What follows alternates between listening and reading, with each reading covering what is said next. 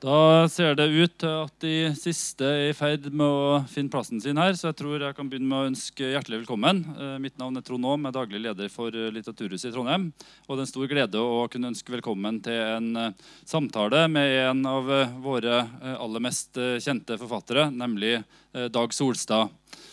Eh, før jeg eh, sier noe eh, nærmere om det, så vil jeg gi litt praktisk informasjon før jeg glemmer det. Eh, det er toaletter inne i barneavdelinga på biblioteket. Og det er også nødutganger bakerst i lokalet og på den andre sida i tilfelle noe skulle skje.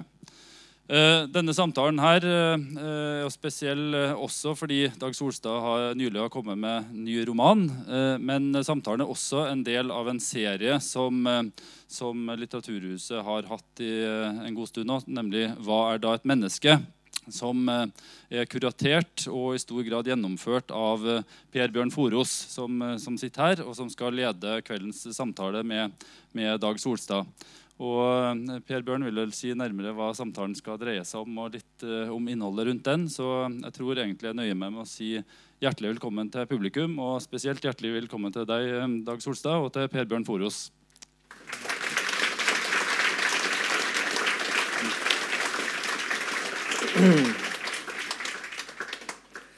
Og da er vi inne. Jeg får si hjertelig velkommen, det også. Og ikke minst til, til Dag Solstad. Vi kunne ha sagt veldig mye om Dag Solstad. Det skal vi ikke gjøre, fordi det skal vi for så vidt bruke kvelden til å, å utdype, dette forfatterskapet. Men den direkte foranledningen er da at han nå har kommet med den siste boka i serien om Bjørn Hansen, med tittelen 'Tredje komma og siste komma'. Roman om Bjørn Hansen. Så det, det er begivenheten, og det er en stor begivenhet. Uh, han snakker stadig ikke om sin siste bok, og, men, uh, og det her er vel siste i serien her, da. Men uh, ellers så kan det være åpent, kanskje. vi skal altså snakke mer om Bjørn Hansen og Bjørn Hansen 3, som jeg kaller den her, mot slutten. Trond sa ikke det, men det her kan komme til å ta litt tid. Vi har diskutert det her litt. Og, og, men pause er liksom ikke tingen, det heller, så vi prøver å, å ta det i ett. Og så blir det da salg og signering etterpå. Eh, men eh, de får bare smør med tålmodighet. Men jeg tipper at det kan være noe å, å, å høre på også. Sånn at eh, da så skal vi kanskje bare starte. Jeg skal si at før vi kommer til Bjørn Hansen 3, så skal vi snakke på tvers av forfatterskapet. Altså om hele forfatterskapet. Og det er en voldsom ambisjon, altså, slår det meg plutselig. Men men det kan kanskje vanne et slags bakgrunnsteppe også for, for, den siste. For min del så er jeg jo helt uten eh, litteraturfaglige forutsetninger for det her. Jeg er en alminnelig engasjert, nysgjerrig, men også beveget leser. Eh, og Derfor så er det også noen sentrale tema i det her som vi da skal ta opp på tvers av forfatterskapet, nemlig lengselen etter mening mening i, i, i, i mer enn én forstand, men også fraværet av mening. Og så kan vi snakke om ensomhet og fremmedgjøring. og det Tittelen på hele kvelden er jo også Dag Solstad 'Fremmedgjøringens forfatter'. Og så kan vi snakke om tidsånden. Det er et veldig sentralt begrep her. Og så kommer vi altså ikke utenom Gud. Eh, den siste boka løfter fram det temaet, slik at vi må, vi må, snakke eh, om det mot slutten. Det som er felles for det temaet, her er jo det at det vanskelige temaet, store eksistensielle tema, som det kan være nesten umulig å snakke om. Slik at Jeg er fullstendig klar over risikoen eh, på, det at en kan komme til å spørre om det som er vanskelig å svare på, rett og slett fordi at stoffet, substansen og tematikken er vanskelig. Så Det vil jeg ha stor respekt for hvis du føler at det er vanskelig å, å svare på noe av det jeg skulle finne på å spørre om. Og så får vi på en måte bare, bare ta det derfra og, og, og, og, gå videre på en måte i det. Første temaet mitt er tro og tvil. Tro og tvil. Jeg har sanert en masse for å komme litt raskere inn i det her. Jeg var tenkt også på, Skal vi snakke, gå gjennom alle romanene på en måte i stikkordsform? Det ligger forresten utlagt her for å kikke på etterpå. Nei, så sier jeg nei, det, det får komme litt underveis her. Men i alle fall så er det kjent for de mange her at de store romanene fra 70- og 80-tallet, altså tidlig forfatterskapet, det handla jo ganske mye om vekkelsen, den store vekkelsen som hjemsøkte vårt land. Eh, derunder gymnaslærer Pedersen. Og med alt det som da fulgte med, suget, frelsen, det utopiske tankegodset, og så etter hvert så kommer altså ambivalensen altså tvilen. Og Da siterer jeg her fra gymnaslærer Pedersen, som sier da jeg, med, jeg ser med stor skepsis på det redskapet jeg har gitt ti år av mitt liv til. Et kommunistisk parti skal han passe seg for. Jeg håper jeg har fått leseren til å forstå det. Mer uviss er jeg imidlertid på om han, eller hun, som vi sier, har forstått den indre jubel jeg har skrevet denne beretninga i. Og Der har vi allerede dobbeltheten. Og det er altså en dobbelthet sånn som jeg oppfatter det, i, i de fleste av dine romaner. Det er jubel, og det er skepsis, og det er overbevisning, og det er forbehold, og det er revolt, og det er avmakt. Eh, er det riktig observert? Mm? Er det riktig observert? Ja da, det er riktig. ja. ja. Eh, men, da, men da kan det også gå over i det som nesten er litt mer vanskelig. Kjenner du igjen i det? Ja. Kjenner du det igjen i det? Ja. ja du gjør det? Ja, ja. Nei, det er jo et av de viktigste tingene jeg har holdt på med. Ja. Det er jo det Det er jo Egentlig så er jo Det er jo det at jeg har veldig tidlig forstått eller jeg har følt at jeg, at jeg lever på feil side av tilværelsen. Mm, mm. Og det er, det er, derfor jeg ble maoist. Mm. Ja.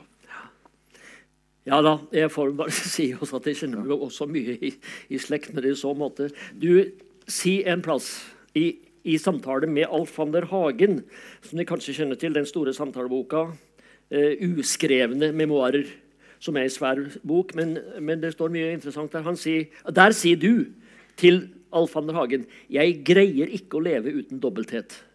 Sa jeg det? Der har vi det. Der har vi det. Har jeg skrevet det?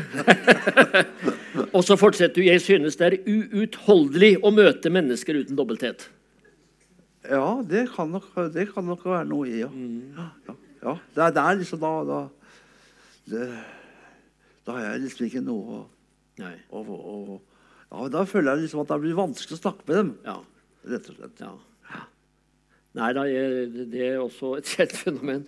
Men du er jo også tvisynt på det her. fordi at når det da kommer til brann Du skrev et essay om brann i 2008. Mm. Og det er jo sånn sett mannen uten dobbelthet. Så sånn sett, hvordan skal vi få det her til å gå opp? Og ja. Gjelder din begeistring eller at du kjenner din slekt med brann fremdeles?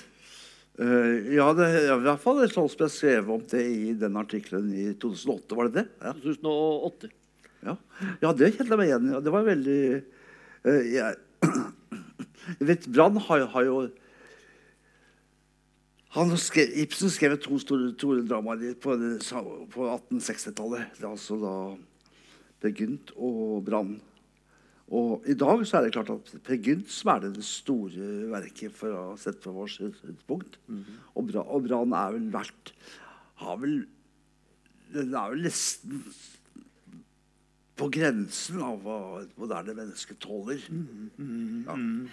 ja. ja. nettopp. Ja. Men jeg har jeg, jeg mener at jeg skjønte.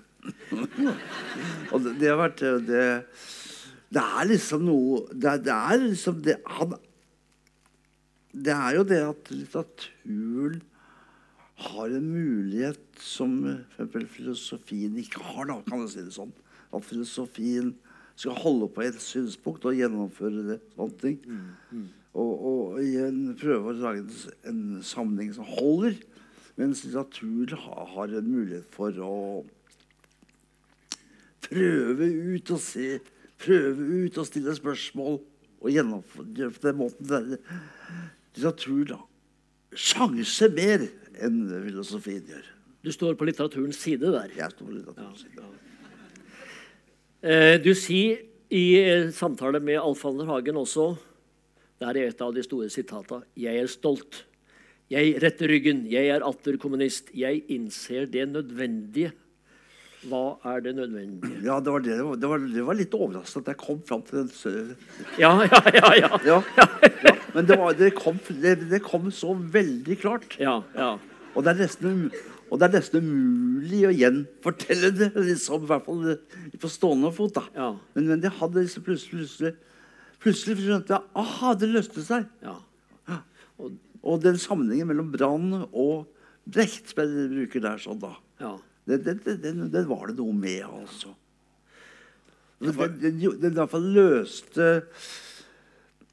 Det er veldig få Atle Kittang har- er en av de som har skrevet veldig godt om Brann. Det er- Jeg bruker veldig mye Kittangs uh, branngjennomgåelse mitt, mitt også.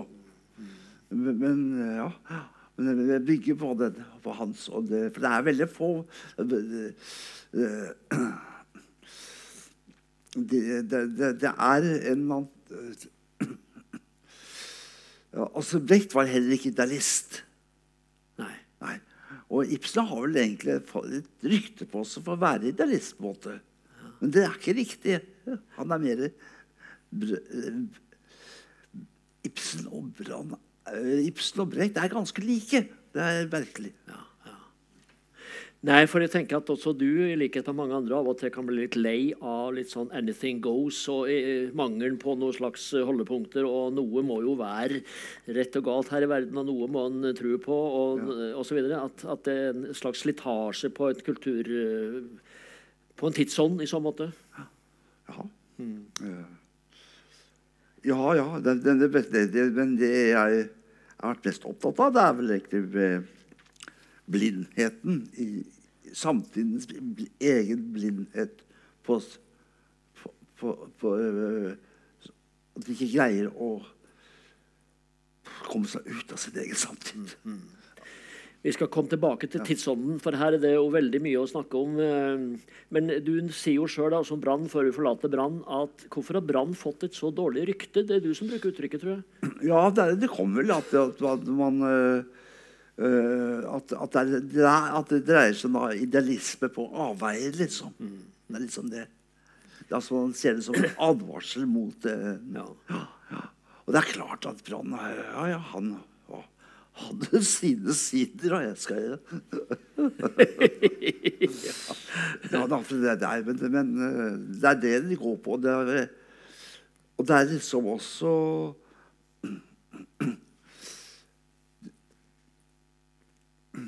Det har altså, alltid vært det, det, for i, under, under den annen verdenskrig så kunne, så kunne alle sider bruke han. Rett og slett. Regner med at det du sa om, om eh, forholdet mellom litteratur og filosofi, altså litteraturens frihet, den gjelder også for ditt vedkommende. altså det at Du kan altså litterært ta opp spørsmål som du nok kunne ha sagt noe om på en måte mer filosofisk, men som du altså ikke gjør det. For da blir det for enkelt. Det blir for enkelt. Men nå skrøt jeg veldig av meg selv. Ja, ja, ja. ja Det var ikke meningen, for jeg kan Nei fortelle Jeg hadde jo en, jeg, jeg hadde en veldig god venn som var, ble professor i filosofi, eller professor i, i sosiologi. altså filosofi. Og han sa til meg da jeg sa jeg skulle studere eh, Han var journalist i Arendal og skulle dra til Oslo for å studere. Og sa at da skulle jeg studere filosofi. Og da sa han det har du ikke hodet til, Dag. Men han sa ikke godt nok hode, han sa bare at ditt hode ikke er helt der. Ja, nei, ja, ja da, det var det. Ja, ja. Da skal vi til dannelsens problem.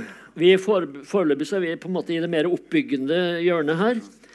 Eh, og da skjønner du jo at det handler om Elias Rukla i 'Sjenanse og verdighet' og professor Andersen i 'Professor Andersens natt', som altså bekymrer seg begge over dannelsens vilkår, kan vi vel si.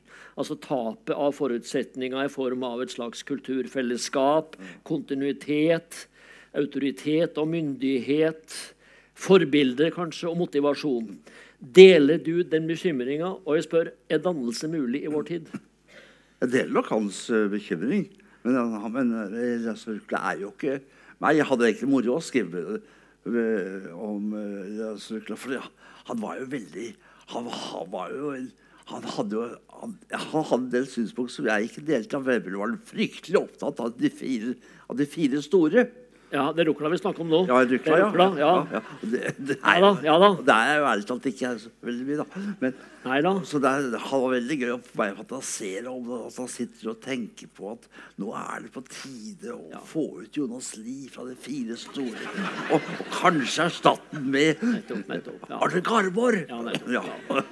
Og det kan du tillate å skrive om litterært, men det er ikke sikkert var- du jeg- står til rette Det for det. jeg var da, da, da, Det er få ganger jeg morer meg når jeg skriver bøker. Ja, det- det- Da moret jeg meg virkelig. Men det skjønner vi jo, det skjønner vi jo.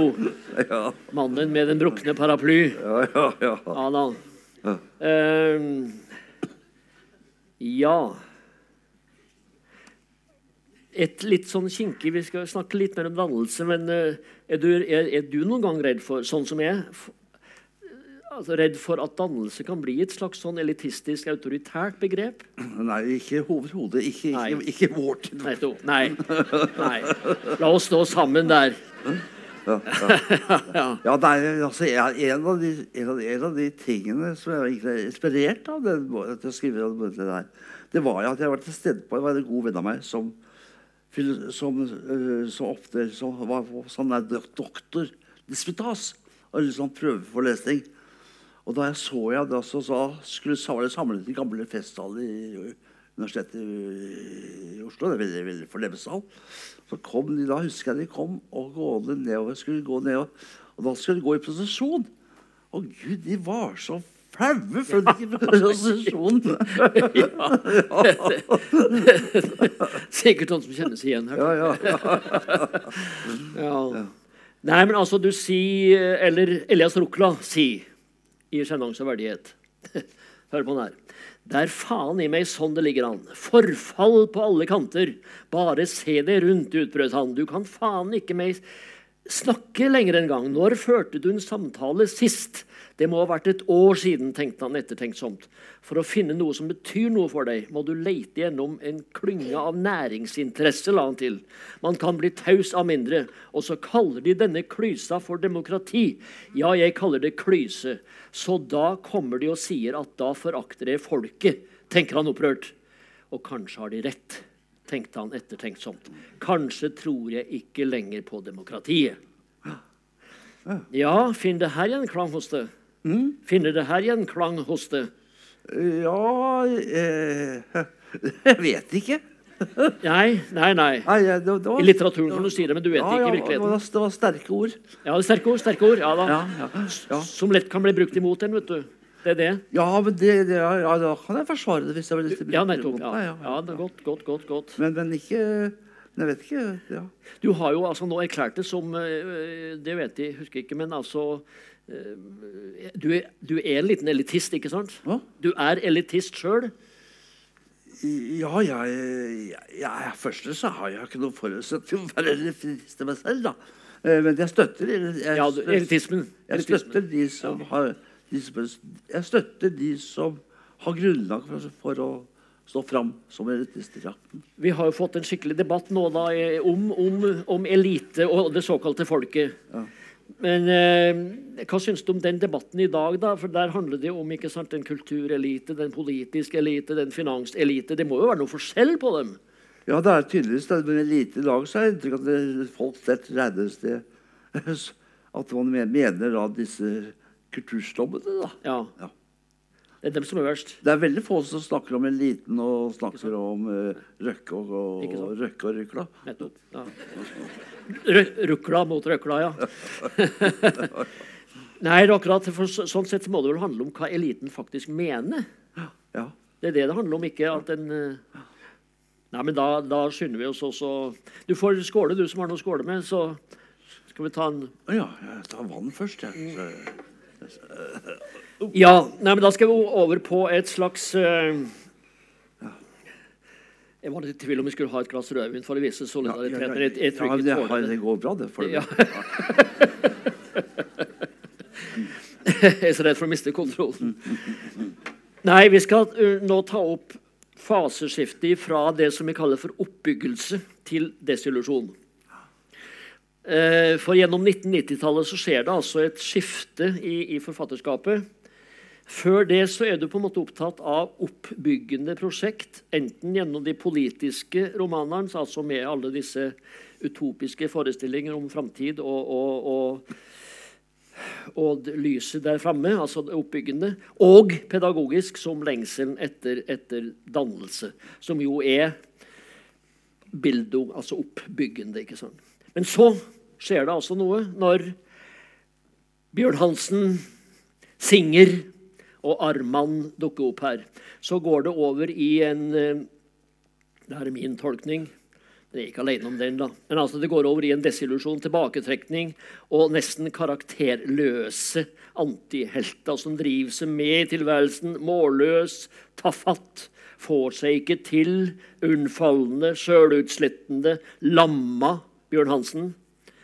Eh, og innestengt. Og så spør jeg er dette desillusjonerte som nå dukker opp, nettopp et uttrykk for at det oppbyggende, forstått som politikk eller dannelse, er umulig i vår tid? Er det en slags protest, en slags reaksjon på, på det? Nei, det er vel i hvert fall er det protest, eller i hvert fall er det reaksjon på at utopiene forsvant mm. fra, fra, fra, min tilværelse. da. Mm. Mm. Og det husker jeg veldig godt. Og jeg jeg var, jeg, si, jeg, jeg var ikke så veldig glad for det, men det, det var et det var et faktum. altså, altså, Siden av partiet var med bak opp igjen, det, det gikk jo mer eller mindre oppløsning. Mm, mm. Og det, var, det, var jo, det lå jo tydelig. Og det, og det, det skjønte jeg jo. Uh,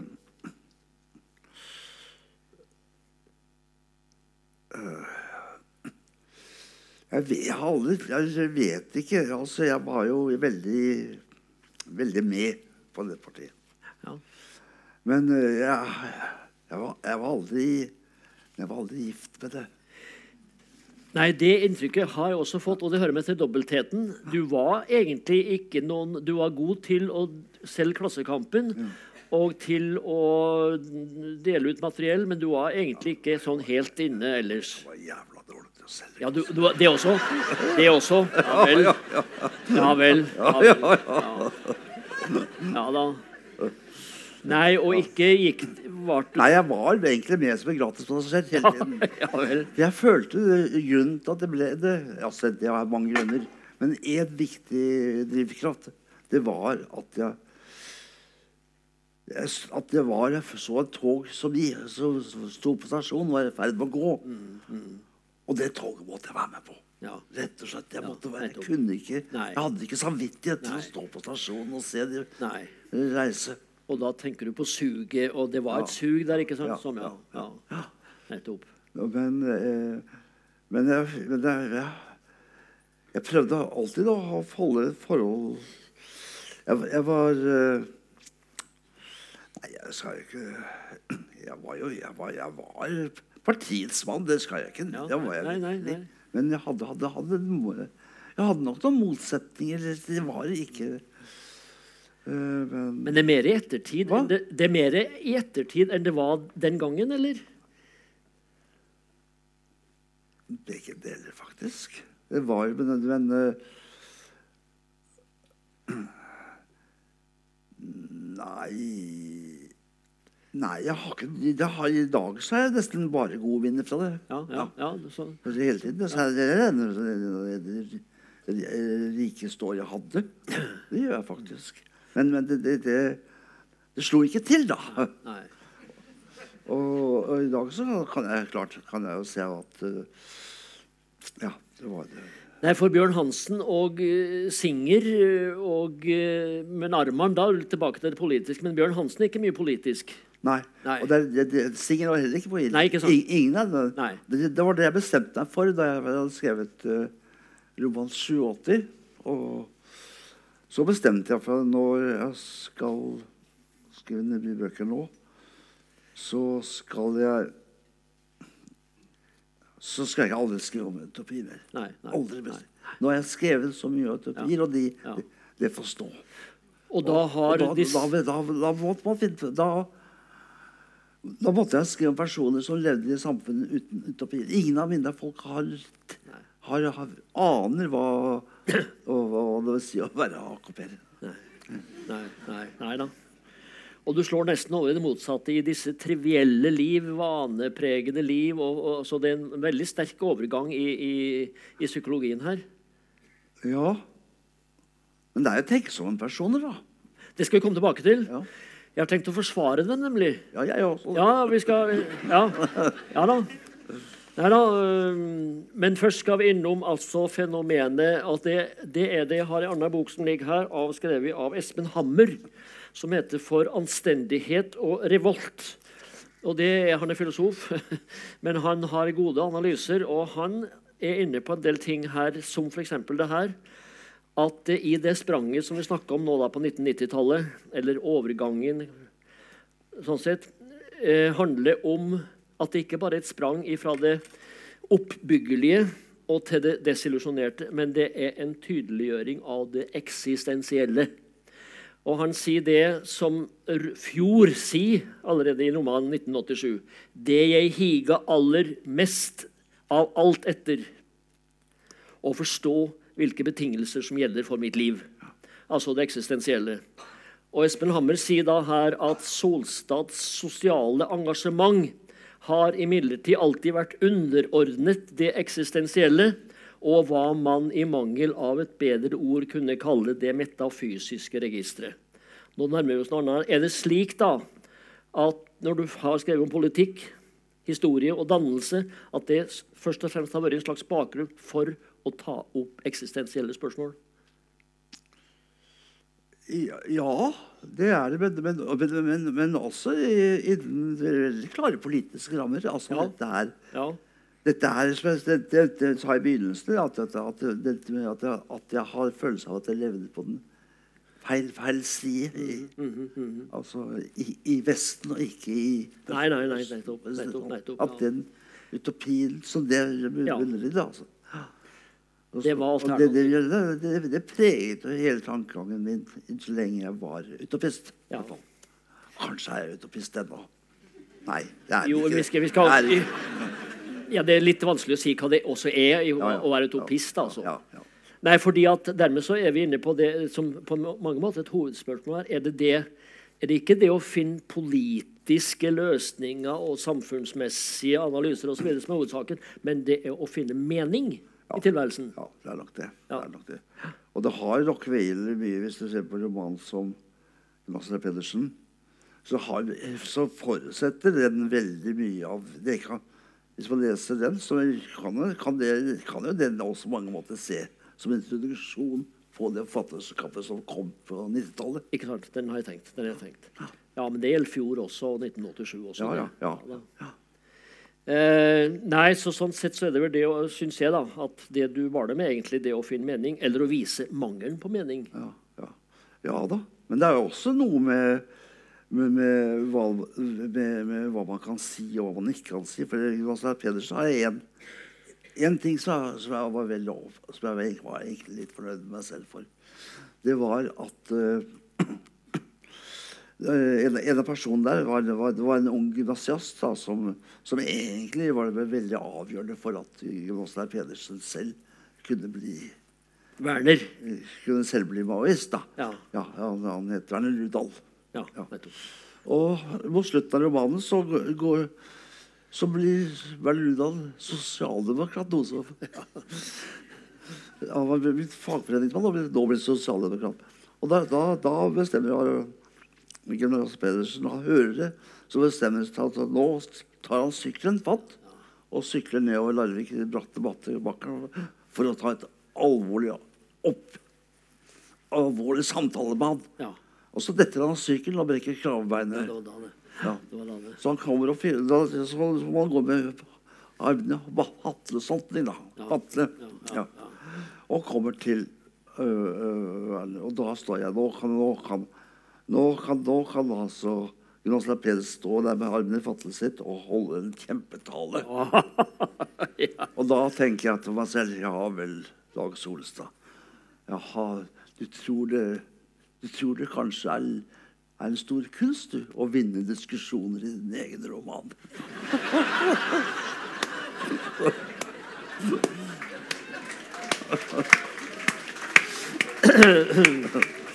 Så derved så, så, derved så vil jo alle, alle sakene Det er sånn, men, men Gymnasta Pedersen får lov til å si Ja. det. Men jeg vil, jeg vil ikke være en hvit mann. Nei, nei, nei, Nei.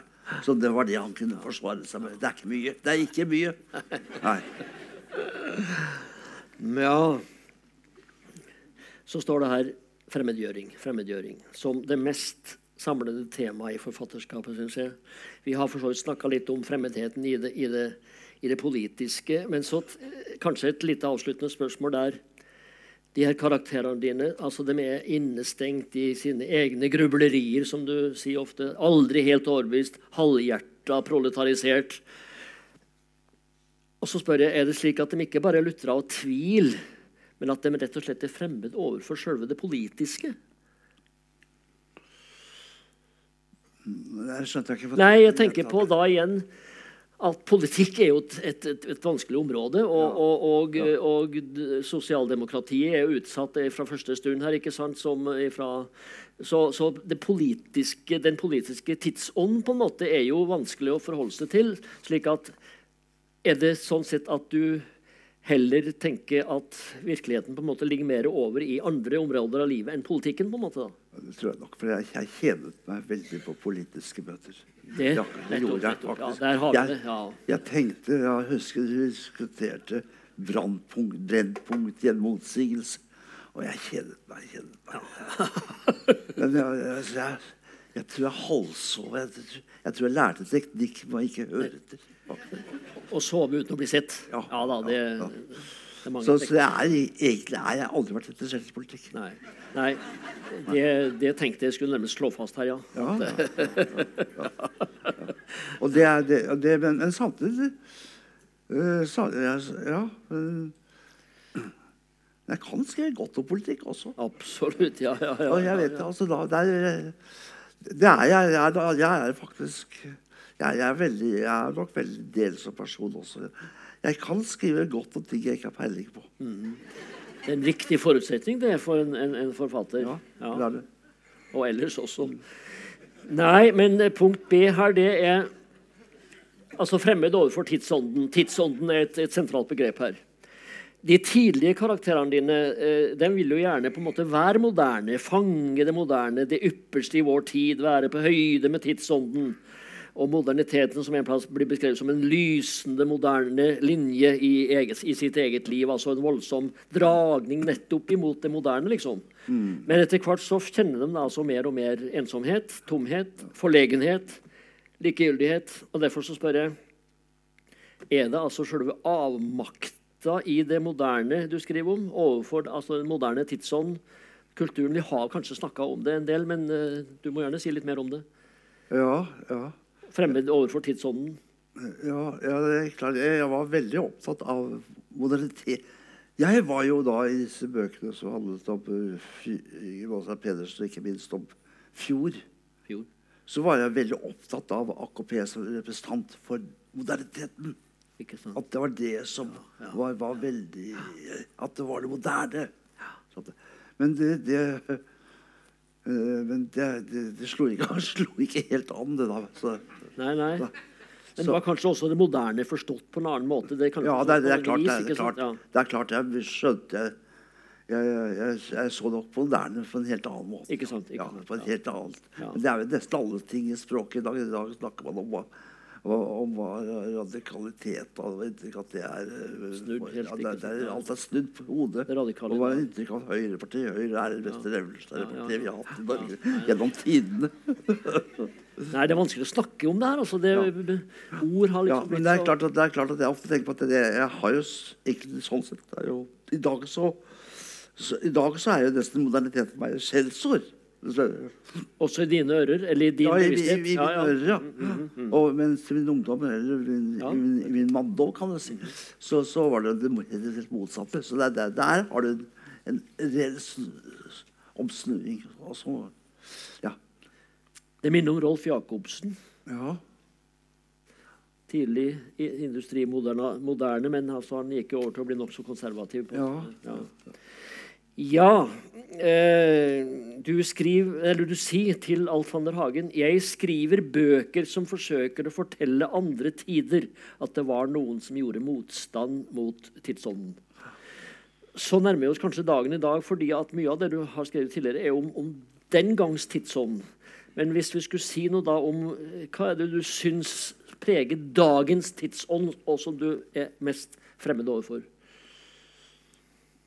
Nei Til forskjellig fra den sosialdemokratiske tidsånd nær sagt, i det tidlige forfatterskapet. Ja, ja, i dag så vil jeg si at uh, egentlig så er jeg enig med Einar Førde. Vi, var alle, er alle sosialdemokrater, sa Einar Førde. Det er enig. Men i dag er det ikke mulig å si det. I dag må vi si vi er alle, vi er alle katalister, faktisk. Ja, ja, Det er forferdelig. Men sånn sånn er det blitt. Uh, altså og, jeg, jeg, Det er klart at jeg jeg, jeg, jeg, har aldri sett meg selv som en sosialdemokratisk barn. Det har jeg alltid gjort. Så det, der liksom de ligger og, og Høyre er jo alltid Ja, der går, der går skillet. Altså ja. Men hva har vi snakket om igjen nå? Jeg tror jeg mistet tråden. Ja, ja. Nei, men jeg, Vi har noen stikkord på med at du får dagens sånn som, som regner på en måte at du, med at du er fremmed overfor. Men du kan jo få lov til å si noe om det. Jeg tenker på altså denne denne veksten, konsumet, teknologien. Du har sagt en del om teknologi her. Prestasjonstrykket, kontrolltrykket. Altså, Hvordan finner du til rette i alt det her? Du har kanskje svart på det. Hvordan finner du til, hvordan finner du til rette i, i denne tidsånden her? Nei, det, det, er klart, i dag så dette, Hovedtyngden jeg tenker på, tenker på tilbake på mitt eget liv, da. Noe, så er det det at eh, altså På 70- og 80-tallet kan, sto jeg slags, kan det stå på en slags barrikader. da og sånne ting. Mm. Og, sånt. Og, og bekjempet kapitalismen og sånt. Mm. Men jeg, jeg, jeg, følte meg ikke rammet av kapitalismen. Det er noe, jeg, det er noe som har skjedd de siste tre-fire årene. Så føler jeg at jeg er et offer for kapitalismen. Ja. ja. Nei, for det har skjedd noe der også. Mm. Ja. ja. Uh, nei, det, altså, det, er jo store tema nå. Altså, Kapitalismen skader meg. Rett og slett. Det er det. Nå, I dag skader den det? Ja, ja, Før gjorde det ikke det. Nei, det var det imot. var, var bare... Nei, men Er det ikke mange som kan kjenne det sånn? Mm? Jeg tenker at det er mange som kan kjenne det slik. Ja. ja. Nei, det er også en del ting som da du vel egentlig har tatt, tatt, ikke har tatt opp så veldig mye, men som i dag preger eh, iallfall en del debatt. Jeg tenker på altså, miljøproblem, jeg tenker på klima, jeg tenker på vårt forhold til naturen antroposentrismen, mennesket overalt og framfor alt osv. Er, du, er, er du der noen gang? Altså, Jeg har funnet ut at jeg, jeg har, det er veldig mye som jeg ikke kommer til å skrive om. Som du ikke kommer til å skrive om? Nei, det er fordi at øh, jeg bruker lang tid på å, reagere. Ja, altså, jeg, altså, jeg, kan, jeg, jeg bruker faktisk 20 år jeg, for å, for å komme fram til ja, ja, et standpunkt. Ja. Slik jeg tenkte på, på, det at når vi hadde den eh, forferdelige terror han ble, ja. der forferdelige Breivik-affæren, så har aldri jeg kunnet si noen ting om det. det jeg, jeg, jeg, kommer aldri til Jeg blir ikke, jeg blir ikke så Jeg, er død før jeg får, får uh, bearbeidet dette. Og det samme måte vi med klima også kan aldri jeg, jeg kan, det, er, det jeg, regner meg ikke selv som det eneste intelligente mennesket på jorda. Så jeg regner med det er mange Se, Folk kan jo ta si mye fornuftig om klima. Hvorfor i verden skal jeg si det? Nei, ok. Nei, nei, nei. For et ja-nei-spørsmål til slutt. da. Hva syns du om Greta Thunberg? Ja. Er du for eller imot? Nei, jeg er for eller imot. ja, det er jo litt pussig, da. Ja, er, ja, ja nei, jeg skjønner, nei, du skal få slippe å si noe. Nei, jeg skjønner ikke hva, hva, hva, hva er problemet. Nei, nei, nei. Eller problemet er så stort at vi nesten ikke har fått det. Nei, punkt C i, i min dagsorden her om fremmedhet, fremmedgjøring, det handler om fremmed overfor livet. Altså Bjørn Hansen som setter seg i rullestolen, altså. Hvis de husker, så altså, han Larsel erklært som lammet, og, og, han er forberedt på å leve resten av livet i rullestolen. og det er, som du sier, altså hans svar på livet. Men så var det da det var svaret. Hva er spørsmålet? Handler det om det umulige på en måte ved, ved livet? Det, du bruker det uttrykket noen gang. det umulige ved å leve. Ja. Det var ja. Ja. Nei, altså det Jeg skrev jo da først 11. roman, bok 18. Det er jo én bok. Og det, det, det, og det er og det er, og det er en avsluttet roman. ja, jeg vet det. Ja. Ja. Ja. Så det var, det var ikke ment at det, at det skulle være en oppfølger på den. Når ja, Det blitt, to. Nei. Det var jo en avsluttet bok, og da, den handlet jo om den mannen som gjør den eh, nok, no, nesten gåtefulle handlingen. da. Ja, som er en slår form for, for protest. Og, så er, og det er jo liksom det å øh, Egentlig det handler jo om det ordløse. i denne boka er veldig, veldig, veldig sentralt. Det er derfor jeg er så forsiktig med å prøve å spørre om det, fordi at jeg vet at det er så vanskelig å svare. Ja, det, ja, ja, det er veldig vanskelig å svare. Og det er, det er veldig lett for å bli fristet til å svare, og da blir det dummere og dummere. Ja, nettopp. Og det man ikke Hva det Wittgenstein sier? Så det bra, Det er, det er bra bildet står der. Ja. Altså, det, det, det er det viktigste der. Ja. Og hvis jeg forklarer det, så blir det, prøver å forklare, det, så blir det Ja. Jeg husker ikke farten om det er Alfander Hagen eller om det er eller om det er Espen Hammer som er inne på det at Bjørn Hansen ser også på det som en slags offerhandling. Eller om du kan forstå slik at han Og da nærmer seg jo nesten Kristus. altså at han, Det er et offer i den forstand at han vil vise hvor meningsløs på en måte tilværelsen kan være. Du bør jo ikke svare på det heller. Jeg har ikke tenkt å vise Nei, det mener jeg ikke. At jeg, jeg prøver ikke å vise hvor Nei. Jeg mener, jeg mener at, at, at det er eh, At det er litt At det er, at det er en del paradoksale ting ved den, for å si det pent. Ja. Ja. Og det skal vi komme tilbake til nettopp i forbindelse med siste boka, som jo er Per eh, Bjørn Gud bevare min munn. Bjørn Hansens møte med alderdommen og døden. Eh, ja, du er opptatt av en skikkelse som vi også skal komme tilbake til mot slutten her, nemlig Sisyfos. Myten om Sisyfos, som jo er, handler om mannen som altså skal drive med dette og, og, og Hvordan er det han, han har noe som han løfte og, og, og, og, og klatre opp med, men som ramler tilbake stadig vekk. Og dermed så prøver han da å finne og Camus, som jo har skrevet denne myten om Sisyfos, altså det trivielle ved livet, det meningsløse, det at det, det, det fører ikke til noe, men likevel så skaper måte paradoksalt nok noe slags mening i det her prøver å gjøre. Det der motivet er du, er du en del opptatt av. Ja.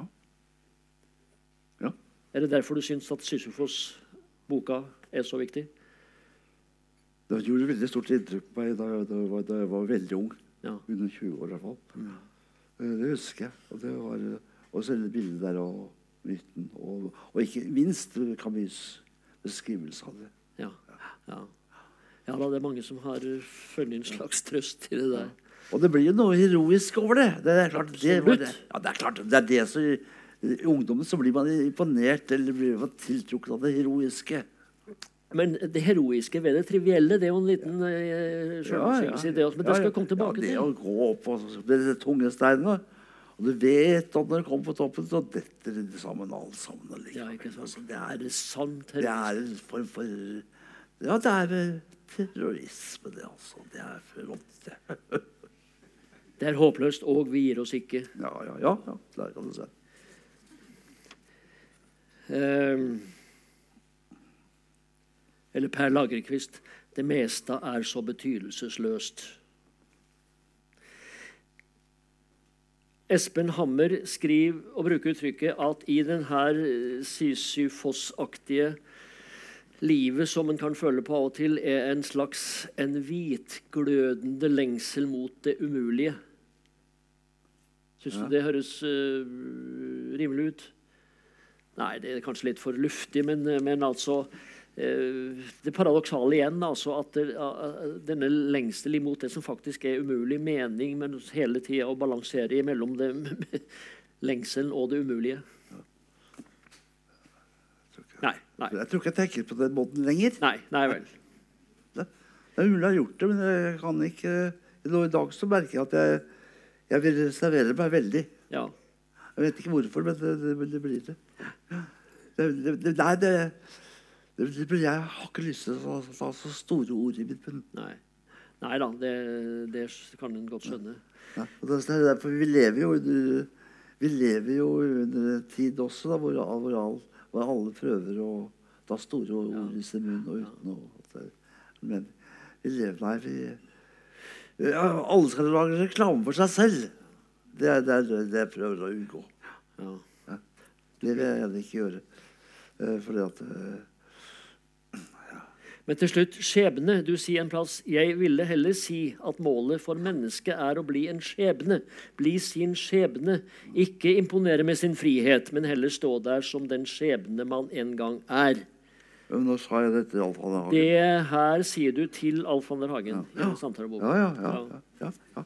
ja det, det, det, det, det, det, det kan jeg vel stå inne for. Ja. Eh, Det er jo litt kirkegård også der, og Hanne Arendt. Am Amor Fati. Ja. ja. Og til slutt fremmed overfor andre. Forlegenhet, som jo er et sentralt tema i dine bøker. Sjenanse som fenomen.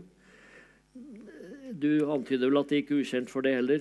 Og så skriver du her, eller du sier til Alf van Hagen Men så skriver jeg da heller ikke bøker for å overvinne min sjenanse. Jeg skriver bøker for å bevare restene av den. Bevare en blyghet i forhold til tilværelsen. Det syns jeg var innmari flott sagt. Ja, ja.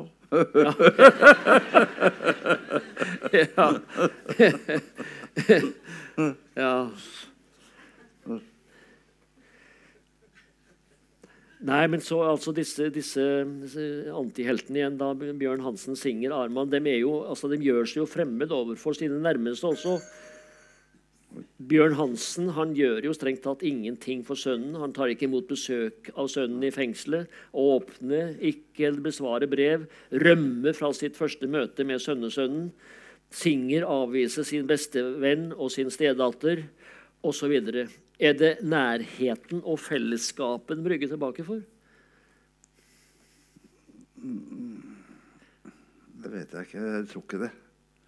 Uh, uh, altså når Bjørn Hansen ikke Bjørn Hansen er veldig opptatt av seg sønnen han kommer. Og, og før, han, uh, før han ble avslørt.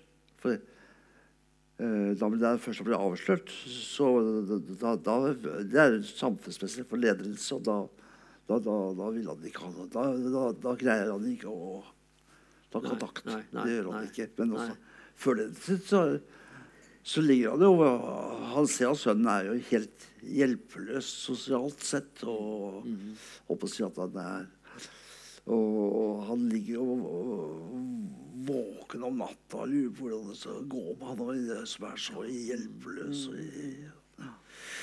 Det er Bjørn så, Hansen. så, han, så han er jo veldig Men så han denne handlingen, da. Og, og, så, og det hadde gått bra hvis Så da, så det, da romanen er slutt, så er alt, alt bra.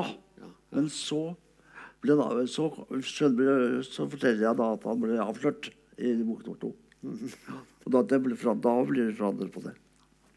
Men eh, Nei, han, han han, han, han, bry- han bryr seg om sønnen. Han bryr seg veldig om sønnen sin. Han har jo hele tiden det, det han, han tenker det Så det Og Singer og Singer, og Singer er veldig og, Singer tar seg av sin stedatter uten han trenger det. Nå nærmer, oss vi, nærmer vi oss det temaet som jeg tenkte du skulle ta opp. Men det siste jeg annonserer, er fremmed overfor Gud. Men det skal vi komme tilbake til. Men du nærmer deg nå det poenget som Alf Hagen igjen er opptatt av at disse antiheltene, eller disse stakkarslige, som en kan tro da er ganske stakkarslige, er ikke så stakkarslige som de faktisk kan framstå som. At all skrøpeligheten og det illusjonsløse til tross bor det ikke noe mer i dem. Og der refererer Alf Hagen til Trude Marstein, som sier jeg ser virkelig en stor menneskekjærlighet i Solstads romaner. Den kan synes å springe ut av eller balansere mot en generell menneskeforakt eller menneskelikegyldighet eller menneskeforundring. Det er som om mennesker gjennom erkjennelse av det uverdige, ubetydelige, får betydning og verdighet. Er ikke det ganske bra? Jo, Ja. jo, jo, jo, men jeg vet ikke. Men, ja, jo, det er, jo, jeg liker det. At du, at du sier det. Ja, ja, ja. Ja, men det, Jeg syns hun har tatt jeg, jeg vil ikke akkurat slutte meg til det. Og du vil ikke det? Nei vel. Jeg, jeg, jeg, leser akkurat sånn som hun, at det bak denne fasaden av det trivielle og det litt sånn vanskelig, så ligger det altså noe karakter som du ikke ser. Umiddelbart, tenker jeg. Nei, jeg forsvarer alltid personen min. Ja. Jeg, det husker jeg, for det, det er veldig mange som har vært ute etter meg. Det har vært ute til meg for, for at personen ikke er bra nok. Eh, for at jeg, at det eh, Ja. Og, og mange, særlig kvinner, da. Jeg har inntrykk av at det gjelder å oppdra personen og ruske dem og sånt. Ja, ja. Men det er, Nei, nei. Det, det er jeg veldig uenig Det er i. ikke din greie. Nei, nei, nei. nei. Det, det får sannelig får du ikke lov til å gjøre. Men du sa altså nettopp nå da om Bjørn Hansen det som ligger i det her at, at Bjørn Hansen slo ikke handa av sin sønn sjøl om det liksom i det ytre. Så, så det er en kjærlighet som på en måte ligger under i større grad enn det du kan lese ut av og til her. og er hennes hovedpoeng, tror jeg. Ja. Og det er et forsvar for disse figurene som ellers kan framstå som antihelter. Større verdighet, mer kjærlighet enn det det Ja, jeg, jeg det jeg synger Så vi s- s- om han, da. Det kunne vi gjøre. For det var- av denne skikkelsen jeg er mest opptatt av i mi- mitt forfatterskap. Det, det, så, så er det klart at han Han, han, eh, han, han, er, han er jo gift med gift. Og, og så dør, så dør Og så, men så har de bestemt seg for å og så går det ikke til ekteskapet, da. fordi det, det er ikke så lett å være sånn. Det er ikke så lett å være gift med Tessinger, det skjønner jeg òg. så de, så de skal uh, skilles. Men så skjer en bilulykke hvor hun dør, da. Og da Og da ville jo selvfølgelig da eh, foreldrene de kunne, de kunne tenke seg å ta, ta seg av den stedet. Men det ville ikke Sigrid Hamet. Hamilton sa henne. Og, for, og det er og det, det er fordi at ja, Hvorfor vet jeg ikke, men jeg føler at det, er Det er hans skjebne. Faen, det er, det er hans skjebne, så må vi si da. Ja. Og samtidig så er han også redd for at det skal At, det- at, det- at er redd for å at det, at, at det skal bli kjent, da. At det skulle skille Det vil han ikke ha. Så det, så det er bare det han er redd for skandalen, da. Det er det vi alle.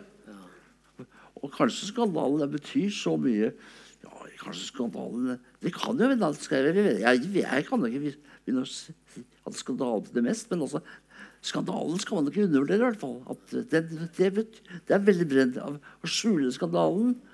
Gjør at jeg kan si, han skjuler, For å skjule skandalen så, så tar han seg av sin stedatter, som han- som han egentlig ikke er så fryktelig knyttet til fra, på forhånd. Nei. Nei da. Han slår jo Kan man si. Men er det sant? Nei. Nei.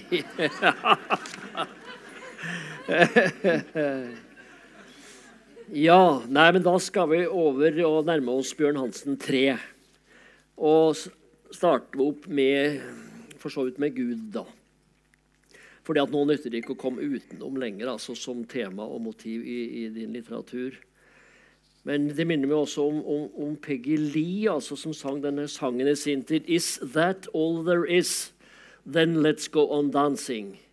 Altså en her etterlysning om at det må jo være noe mer, liksom. Det føler jeg går igjennom forfatterskapet, og dermed så spør jeg Er det på en måte en slags åndelighet du, du, du eh, søker imot, som på en måte overskrider det materielle? La oss snakke om åndelighet, liksom. Ja, det tror jeg nok, ja. Ja. ja jeg, har jeg, jeg har jeg er, født, jeg er født i en så stor fattigdom, da. Og, jeg, og det, er, det, det har lært meg det til å, det har lært meg til å forakte penger.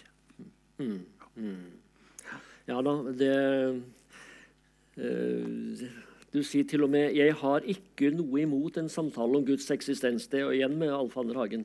Det er fraværet av slike spørsmål, dette stumme fraværet, som er litt skremmende. Jeg er for metafysiske diskusjoner i det offentlige rom. Ja. Ja, og, og etter det du har skrevet nå, den siste boka, så skulle vi tro på en måte at, at det ble tatt tak i. Det er ikke en eneste anmeldelse som har tort å nærme seg det spørsmålet. Nei. Nei. Nei. Og det, det kunne du ha fortjent. Det Du kunne ha fortjent å fått litt uh, en debatt knytta til det, men uh, det, det får vi se. Kanskje det Men jeg spurte her på vei hit Du, du vil altså Nei, ja. Romaner er en så stille eh, Er en ganske stille uh, beskjeftelse, da. At man skal ikke søke debatten. Nei, nei, nei. nei Ikke jeg. nei, nei, det, Hvis vi skal debattere, så er det fint. nei. Men det, jeg, jeg, nei, vi skal ikke ha noen debatt. jeg, jeg oppsøker det ikke. Nei. Jeg, jeg, jeg, jeg skriver om disse forskjellige um, du kaller deg sjøl agnostiker. ja, Eller spør jeg, vil du kalle deg sjøl en agnostiker? Ja, ja, ja. ja. Jo, jeg, jeg, jeg, jeg, jeg, jeg, jeg er jo ikke troende. Men jeg, jeg, så jeg blir vel agnostiker, jeg vil si. Altså, jeg Ja. Men jeg, jeg, jeg er veldig vel De siste årene så har jeg blitt veldig åpen overfor og, og, og for Og for de troende. Ja. Og du har en bakgrunn og en barndom. Eh, Jeg vil at du skal si litt om det. Far og eh, det som sitter igjen på en måte som helt åpenbart følger det gjennom livet da, av, av det her. Kan du si litt om det? Hva da? Nei, av det du føler at du har med fra barndom, og særlig far, som, som har skapt motiv og tanker og forestillinger som følger det gjennom livet. Det, det er helt opplagt. Og det, jeg var veldig knyttet til min far. Og han døde veldig tidlig. Og dermed så Dermed så slapp jeg farsoppgjøret. Det, Ja, ja. det, er veldig, det er jeg faktisk veldig glad for. Ja. Det er jeg veldig glad for. ja. Men der, dermed så har jeg alltid Dermed så har jeg alltid fra dermed så, I motsetning til Kraskelsen, da, som, som, er, som var sønn av eh, Ja. eh, Kristelig Folkeparti, Ja, stortingsmann. og som var og som eh, brøt eh, og som brøt med kristendommen som han hadde vokst opp med. Og, eh, og, og, det og han, ble, han har vært en beinhard ateist hele sitt liv. Ja. Og veldig klar over oppførsel dette var. Og så ville heller ikke hans far lese noen av hans bøker. Nei, han Nei, han eh, Han, han traff sin far på, på en by- Han bodde i en hytte utafor Mandal. Så traff han sin far på veien. Han kjørte, han kjørte i en, i en fin bil, sa så, Kjell. Og så stod han Har du lest boka mi? Nei, den er kastet, sa han. Ja. For det rakk ikke, du rakk ikke å få den vurderinga av din far. Nei, aldri. Altså, jeg, altså, jeg er en helt annen Ja. historie om mitt forhold til kristendom. jeg- For meg er det, det er, jeg, jeg har egentlig, jeg har egentlig vært Jeg har aldri, aldri meldt meg til statskirken. Eh, kona mi, første kona mi gjorde det. Jeg, og jeg, uten at det så, Men jeg, jeg hadde, har jo egentlig hatt et, et, et nokså tillitsfullt forhold til det kristne Norge. Utrolig nok, men det stemmer. Men du fikk altså med det, som vi nå skal altså plassere også hos Bjørn Hansen, denne forestillingen om fortapelsen. Og vi har så vidt nevnt Hallesbys preken i 1953, som noen har hørt om I fall, Men altså denne forestillinga om fortapelsen som, som altså plass, forplanter seg i, i litteraturen. Men nå tror jeg også at vi skal skumme litt her for å få snakke om Bjørn Hansen 3. Eh, ja, jeg tror vi går over på, på det og, og tar for oss nå Bjørn Hansen og, og hans liv og skjebne. Tredje siste roman. Han har da sittet i en rullestol i mange år, tatt på fersken og avslørt flere år i fengsel uten kontakt noe særlig med sønn og barnebarn, med unntak av dette fatale besøk, besøket i Bø, som noen vil huske. Da sønnesønn Viggo kom i hangglider forbi, og der Thea, er det det heter, mor, ja, håpa at det skulle begeistre Bjørn Hansen, sier han nei. Og så rømmer han, ikke sant, og, og det er den voldsomme greia der. I bind tre her nå, da, så er Bjørn Hansen en gammel mann, omtalt som en olding. Han er nøyaktig like gammel som oss to. Ja, men jeg, jeg er olding, jeg. Ja. Og det står her at han er vendt mot døden, dødsriket, hvor alle spørsmål ender. Og så kjenner han altså at han står overfor et alvor som han likevel ikke makter å ta inn over seg. Jeg tar bare litt av. Men så står han likevel fast på sin bragd, som han kaller det, altså denne rullestols, og sitt eventyr, det som gjorde ham til menneske. Og likevel så syns han at det er en himmelropende synd. Han har valgt fortapelsen, men han kan ikke knele. Hvorfor er det så vanskelig for Bjørn Hansen? Nei, det vet jeg ikke. Nei, du vet ikke. Nei, det må det jaggu meg være lov til å si. Altså, det, det, ja. Nei, for det, det, vil vel ikke du Du vil vel heller ikke, til tross for at du er mye inne i det spørsmålet. Å knele, liksom, det, det, passer ikke. Det feller ikke. Nei. nei. Nei, så, men sånn er det. Eh, så dukker altså sønnesønn Viggo opp da her. Og så ja, altså, er, det, er, det, litt uh, ufint å, å, å, blottlegge slutten her for et lesende publikum som skal kjøpe boka? Eller skal vi må ta hovedpunktet her, tenker jeg? Vi må ta hovedpunktet her. Nemlig Hva sier du? Du kan si hva du vil. Ja, jeg kan si hva du vil. Ja, okay. Nei da, du skal få selvsagt slutten her. Og jeg har tenkt å be deg om å lese selve slutten her. Men iallfall så dukker sønnesønn Viggo opp og viser seg å være en beundrer av sin farfar, hangglideren.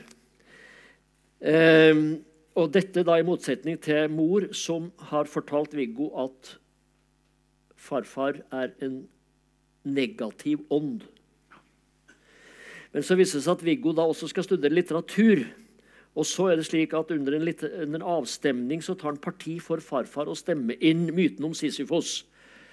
Samtidig så skaffer han seg dame som han da eh, etter hvert blir også litt uenig i, men som, øh, men som også eh, en moderne kvinne, forhenværende idrettsdame. Og så kommer Bjørn Hansen i skade for å kaste et blikk på på, på henne, som får henne til å tenke 'Å, han ser på puppene mine'. Og dermed så går alarmen og hun anklagen og rømmer, og, og det blir fryktelige scener. Så oppsøker Viggo og farfar denne dama, NN, for å forsones. Og det lykkes, lykkes, ikke, men derimot så går altså Bjørn Hansen bort til dama og klipper over slipset hennes. For hun har sånn buksedress? Ja, ikke sant? Ja. ja. Ja. Du kan jo få en, en sånn eh, parentes der. I Adresseavisa, byens avis, så var det jo gjort et stort poeng av at det her var ditt oppgjør med metoo. Hva har du å si til det? Nei det, jeg, jeg, kunne jeg jeg, har, mange motforestillinger mot metoo og sånt. Ja, ja. Og det, det, det, kunne, det kunne jeg godt tenke på men, å skrive om. Men det, da, det holdt en artikkel, altså. Ja, ikke sant? Ja, da ville du heller gjort det. Eh, ja, det kan hende jeg gjør det òg. Ja. Siden, okay. siden folk er så opptatt av det. men, men, men, men, altså det, det, Men det er klart at jeg ville neppe Den scenen ville alle dukket opp hvis ikke metoo-bevegelsen hadde oppstått. Det ville jeg klart. Det er, men, det, er, det, er, det er andre ting den som, som, som er viktig Det er, er, er, er, her, er, da. Ja. Det kommer jo mye mer viktige ting her helt mot slutten. Og så tenkte jeg da faktisk, Men før du nå ber deg om å lese det aller siste avsnittet her, så spør jeg deg jeg vil at, det, at du skal lese skal være det siste, nemlig. Så spør jeg deg, er det en slags For det første, altså når Viggo dukker opp her da og, og er på farfars parti ja er det nesten slik at du begynner å tro på dannelsen igjen. Denne litteraturstudenten som velger ut myten om Sisyfos. Ja, det, det, det, det ligger jo Ja, det, Ja, han er Han er, han er lovende? Mm? Han er lovende? Ja, ja, ja da. Jeg, jeg, jeg, ja, ja det, er, det, er, er mye Han er litt naiv foreløpig, da, men Ja, ja, ja. Jo, men gutten kan bli Ja da, det, det, er, et lite snev av håp der. Ja. Det er det. Håper jeg, da. Vi, vi, må, vi må håpe det. Og så tenkte jeg helt på toppen og spør er det i det som nå kommer, da, og utgangen på det hele, etter at han nemlig da klippet av slipset til denne dama NN, så rømmer han jo samtidig. Og så så skjer jo det at han da dør. Ja. Men er det en slags nåde i det her nå, i måten det her skjer på Skal vi bare kanskje la det henge i lufta? Og vi skal alle dø. Ja. Ja. Uh, og Bjørn Hansen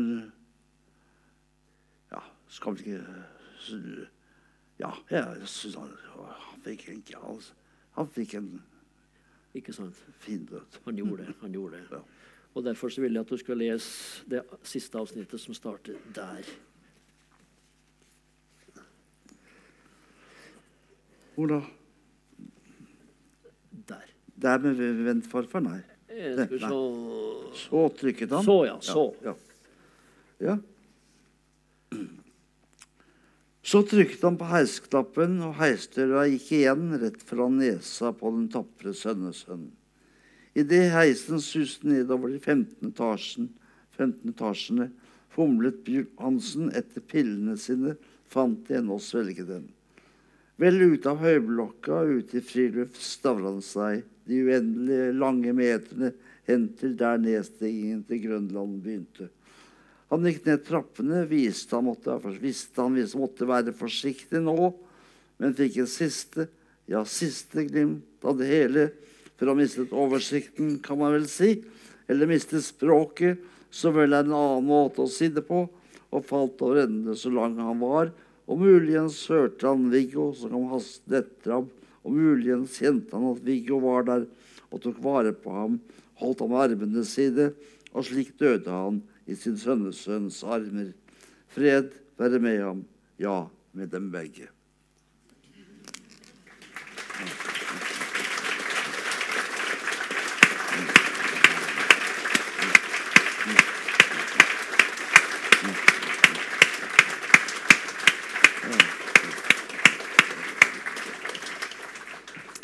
Takk for samtalen. Ja, ja takk for det. Vi er ferdig alt. Ja, vi, vi er det. Der ser du. Der ser du at tida gikk fort. Så da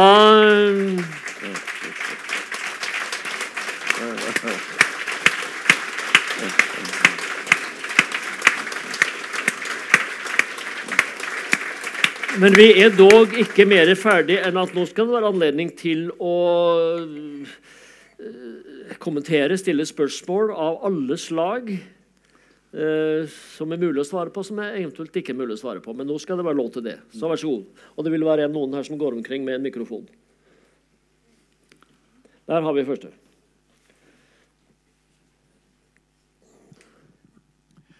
Ja, det fungerer. Hører forfatteren meg? Ja, nå hører jeg deg. Ja, flott. Jeg ser deg ikke. Jeg kan godt stå opp. Ja, gjør det. Ja.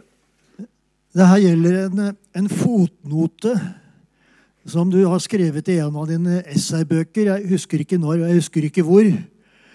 Men eh, eh, innholdet i den fotnoten, det er at eh, det er et tema du har skydd så langt i ditt forfatterskap, men som du nærmest lover at du vil prøve å komme inn på. Og det er kjærligheten. Og så tror jeg du sier, men jeg fant ikke igjen i dag, så jeg, da kan hende jeg husker feil. Men jeg tror du sier at det har vært for vanskelig for deg. Men eh, du lover eh, dine lesere at du kanskje ikke helt vil gi opp. Og da lurer jeg på har du egentlig hatt kjærligheten som et tema uten at eh, vi har visst om det? Eller kanskje du ikke har visst om det sjøl heller? Eller, eller har det vært der bare så at det er gått under radaren, som det heter? Det er mitt spørsmål. Ja. Oppfatta du det? Ja, jeg oppfatter det. Flott. Eh, Ja, kjærlighet, da. Jeg, jeg, har- jeg, har, jeg, jeg har jo skrevet mye om kjærlighet. I og med at det er forholdet mellom mann og kvinne. Det har jeg, det har skrevet ganske mye om.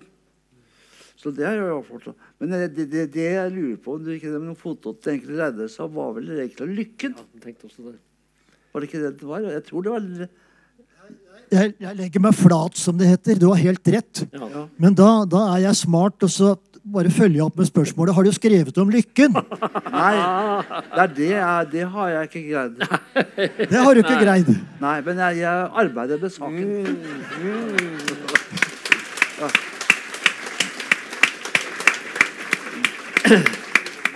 Det siste merker vi oss grundig. Ja, flere?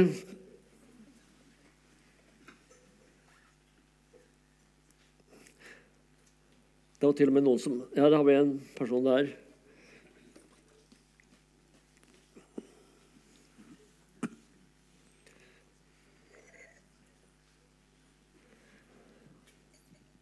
Ja, først av alt takk for en utmerket og interessant samtale. Solstad, du sa eh, i løpet av samtalen at du for første gang føler deg ramma av kapitalismen. At du mens du var politisk aktiv, egentlig ikke gjorde det. Eh, du, du sa at du egentlig ikke kjente det når du jobba politisk, men at du nå, de siste to-tre årene, hadde gjort det. Kan du si litt mer om hvordan kapitalismen har ramma deg? Ja, den, den, i språket, faktisk. Den, den er blitt så Den er den, den, den, Jeg var, jeg var følelse at eh, før, før Ja, det er vi, vi, vi øh, Jeg føler meg plaget av jeg, jeg føler meg virkelig plaget av kapitalismen nå. Ja, ja, og den angriper meg gang på gang. Daglig. Dreier seg om det Ja, samme? ja. Men se på hva som skjer. Ja, ja, ja, bare se, hvordan, hvor- se på Morgenblad. Som altså nå har blitt, nå har blitt øh, nå, nå, nå, nå skal de ødelegge Morgenblad. Og sånn nå, ja. ja. Ikke innholdet, men altså det at det, det, det, det er jo ren Av hensyn til profitt, kapitalistisk profitt, så skal det ødelegges. Fordi at de, som styrer, er, redd for at digitale eh, verdensbilder vil fullstendig oversvømme alt annet. Så det, ja, det har ikke slått til ennå, men de er så sikre på det. Nesten er det billigere å drive aviser som ikke har journalister. Ja, det, Det er det, er det viktigste. Det er en enorm for- fordel. Så, og nærmest ødelegger det. Så de ødelegger, ikke sant? Norsk språk er det i ferd med å ødelegge. De, snart, snart snakker vi engelsk. Snart går det ikke an å snakke noe annet enn engelsk.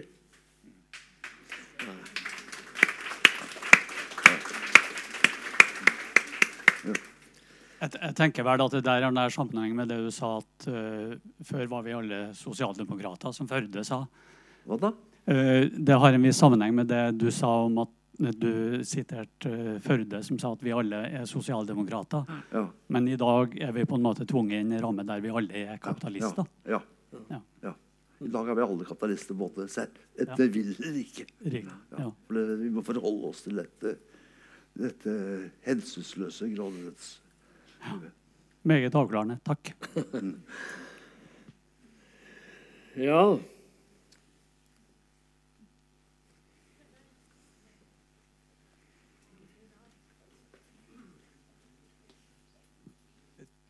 Tilbake til eh, anno 1970 og AKP ML. Eh, en ting som det har vært sagt at de undervurderte, det var i hvilken grad eh, digitaliseringen ville komme. Altså i hvilken grad datamaskinene ville bli introdusert i samfunnet og frigjøre menneskene fra masse rutinearbeid, blant annet. En annen ting som jeg lurte på om du kunne kommentere, det er i hvilken grad var de som tok initiativ i AKP-ML, sjøl eh, i den stillinga at de posisjonerte seg til en væpna revolusjon, og på den måten oppnevnte seg sjøl som eh, elitister. Jeg fikk ikke tak i det. Er det riktig også å si at eh, det var et snev av elitisme i de som var ledere i AKP-ML på slutten av 60-tallet og 70-tallet? Ja, i tilfelle ja, Det har jeg ikke noe, det, det, det har jeg ikke noe imot. Altså, altså, Det kommunistiske parti er et lite parti. Så det ligger jo bare i kortene. Uh, spørsmål Men de har, ikke Men, men uh, kommunistene har ikke løst det problemet med elite og folk, rett og slett. Ikke i det hele tatt. Derfor, tror jeg, derfor, tror jeg, derfor tenker jeg også så ofte sånn at det er jo veldig greit at vi tar en 200 års lang pause nå.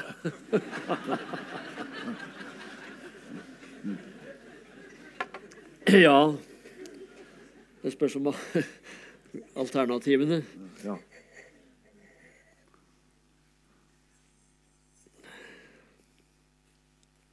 Ja, det lå å kommentere, til og med lå å være uenig, også, eller kan det måtte være Langt bak. Langt bak.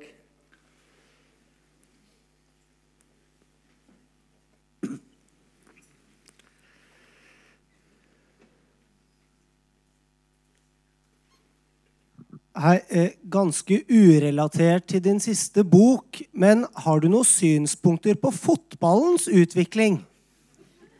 Eh, ikke den siste boka, nei. ja. Ja. Jeg kan da skyte inn at jeg ringte Nils Arne Eggen i ens ærend for å komme i kveld. Han er jo, han er jo Elias Rukla i, i inkarnasjon, altså. Men dessverre, han er jo skrøpelig til beins og, og har andre ting. Men jeg skal hilse til Dag Solstad og for så vidt da, til fotballaspektet her. Ja, flere.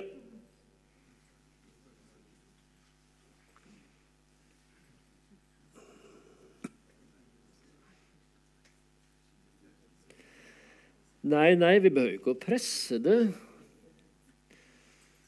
Vi skal jo selv og signere bøker også. Og det er jo fredagskveld, og Likevel en der, ja. Ja, hei. Uh, jeg forsto det siste avsnittet som du leste, uh, som da omhandla et selvmord. Uh, og det nevnte også Camus tidligere her. Og Camus har jo sagt om det der meningsløse ved eksistensen at et av de store dilemmaene er om til morgenen om man skal ta seg en kopp kaffe eller drepe seg selv rett og slett. Så jeg spør liksom om du har noen tanker rundt det derre Om det omhandla et selvmord, og om liksom selvmordet som et svar på det meningsløse ved tilværelsen. Ja, men jeg tror du misforstår akkurat det der, for, fordi at uh, men, Altså, ja, Bjørn Hansen er på dødens rand veldig hele, hele boka. Hele den. Det er, er en mann som lever Han er, han er mer skrøpelig enn jeg er, faktisk. Og, og, eh, og holder på med pillene sine. Han har, han har utvist ni slags piller hver morgen. Og, og, og er døvert og blind. Og han ser dårlig, dårlig og høyt blodtrykk. Ja, ja, ja. Er det mer galt han, han lider i hvert fall veldig mye. Så, så når han tar en pille, så er det en pille han må ta pga. at han nå er Han er litt utslitt. Han har, han har gjort en, en, holdt på å si, en ny bragd. Ja.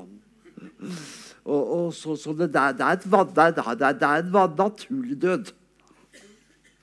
Så, så jeg ikke på, har ikke tenkt på selvmord. Det, fordi at det er beskrivelse foran, så er det ikke noe så, så er det naturlig at han dør. Tvert imot så har han holdt ut. Mm? Tvert imot så har han holdt ut. Ja, ja, ja. Mm. ja. ja. Men det er mange som Men altså, i første boka av Bjørn Hansen så er det flere som har fremstilt at det egentlig så er det Bjørn Hansen gjør da, det er det å begå selvmord. Det er flere som har det, det, det er flere som har, har hevdet. Jeg er ikke enig i det heller. ja, og så er den der, ja. Eh, det gjaldt et uh, gjennomgangstema i hvert fall de siste bøkene, som er avmakt. Avmakt overfor samtida. Så hos gymnaslærer, gymnaslæreren måtte jo også innse at han var avmektig. Men han fortalte i hvert fall, eller du fortalte historien hans med indre jubel, som du skriver. Så kommer vi til professor Andersen, som, eh, som har vitne til et mord, men er fullstendig ute av stand til å gjøre noe med det. Og så videre og så videre. Altså Er avmakten totalt? altså hva, hva, hva skal vi gjøre da? Skal vi alle gå i indre eksil og gi opp?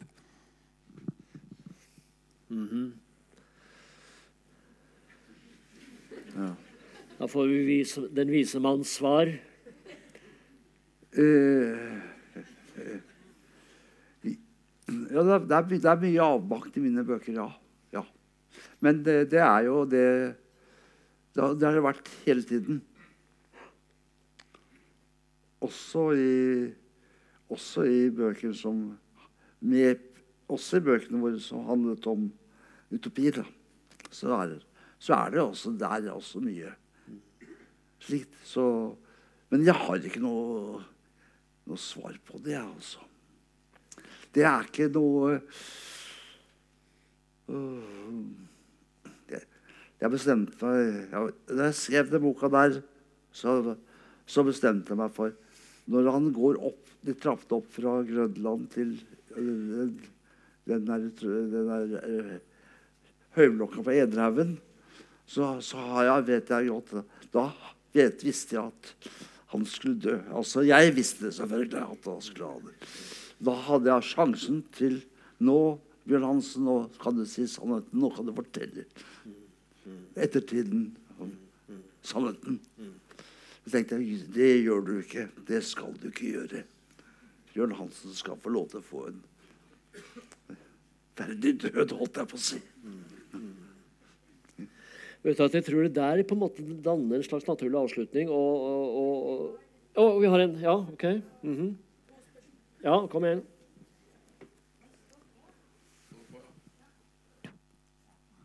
Hallo. Hei, Dag. Jeg har prata med deg en gang før. Jeg er fra Larvik, men du husker kanskje ikke det? Det var fotball. Det var den gangen Jeg du ser deg ikke jo. Nei da, du ser ikke meg. Det? Er en fordel å være anonym.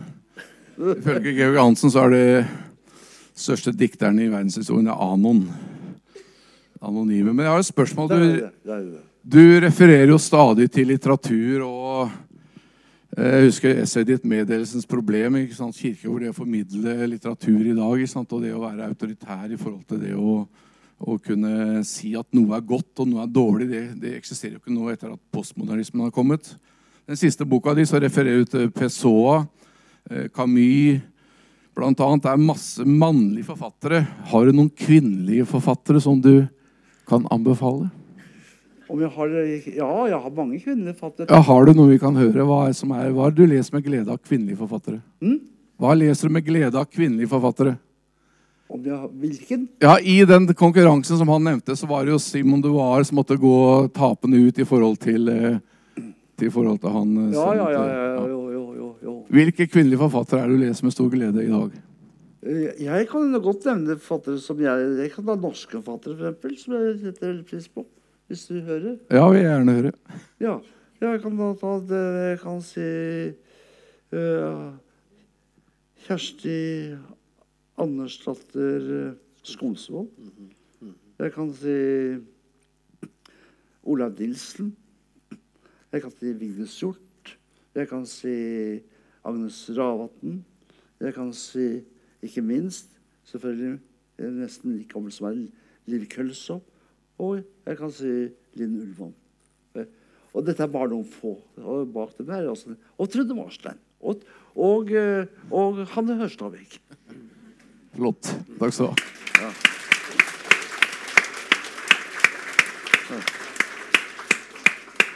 Du, du, du besto. Du besto. Ja, ja, ja.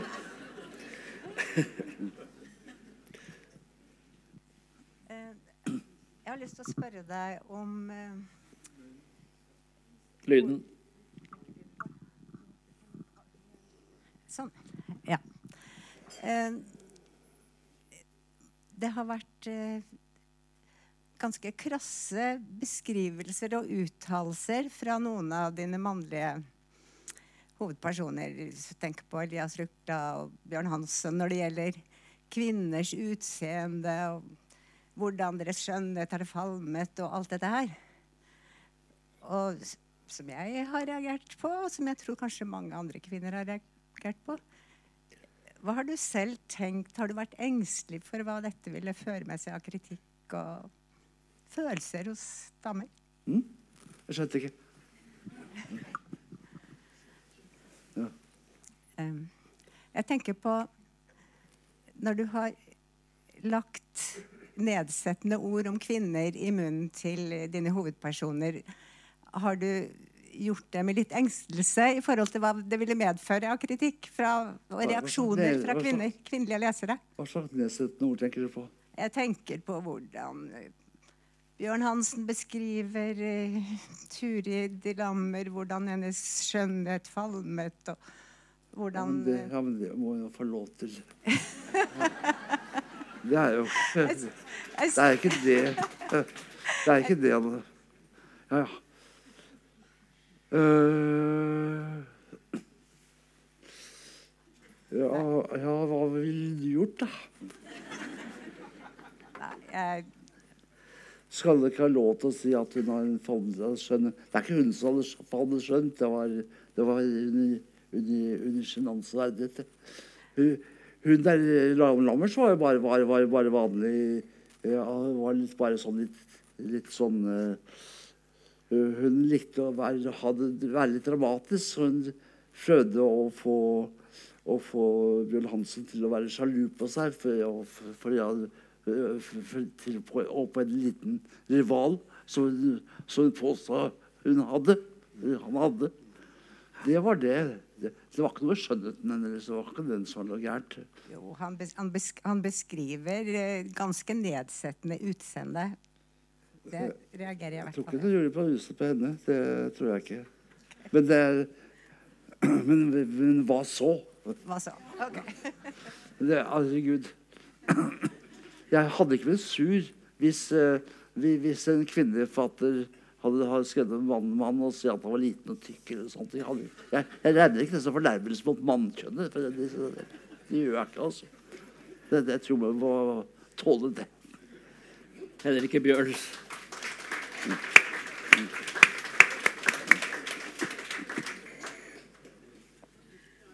Ja vel. Nei, vi, vi får la det henge. Men eh, OK.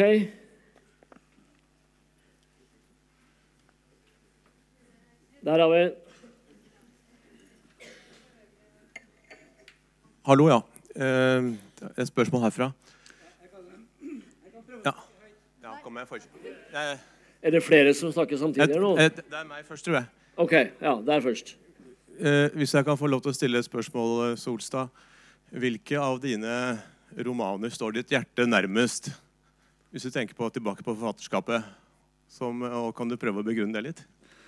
Ja, det kunne jeg gjort. Men jeg har Jeg er, jeg er sånn at jeg, jeg, jeg har jeg,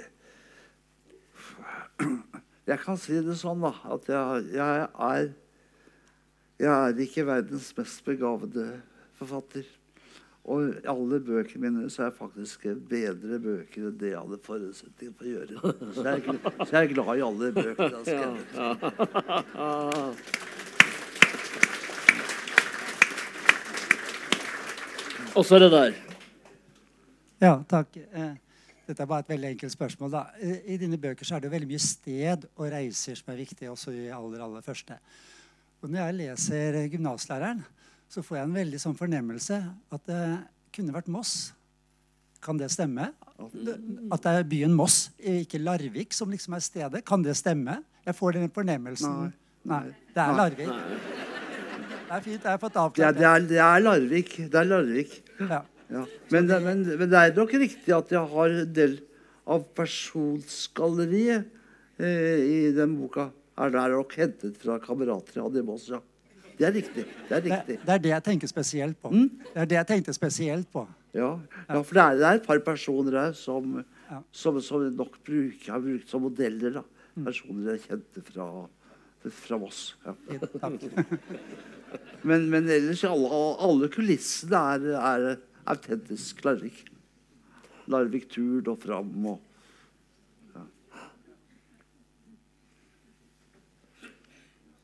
Ja, nå har det tatt av her. Eh, Litt tilbake til den eh, siste boka, Dag Solstad. Viggo. Jeg er nysgjerrig på Viggo. Hvorfor aksepterer han å, å bo hjem hos uh, bestefar i ettroms leilighet på en madrass på gulvet? Hvilken type ungdom gjør det? Er det mulig at han kan bli den nye Bjørn Hansen i en ny roman? Uh, ja, det kunne han bli, men da, det, det får bli en annen forfatter som lager. Ja. Viggo sier til farfar du har alltid vært en opprører, du, farfar. Det er vel noe av det mest uh, eh, rosende han Ja. kunne få høre. Ja, der var det også en. Um, ja. Eh, Du har jo beskrevet deg selv som i hvert fall tidligere ehm, utopist. Og så har ehm, det både vært tema om døden og åndelighet uh, i kveld. Ehm, så jeg lurer på om du har noen eh, utopiske tanker om døden. Ikke nødvendigvis din egen død, men døden som sådan, som fenomen. da. Nå ja, ja, Hadde jeg visst det, så hadde jeg blitt verdensberømt. Ja, ja, ja, ja, ja, ja.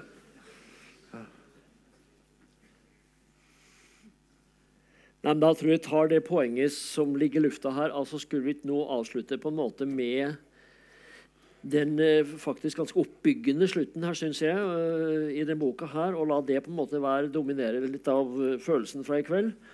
Og så takker vi enda en gang, Dag, for denne kvelden, og ja, nær sagt til lyse velsignelsen over det.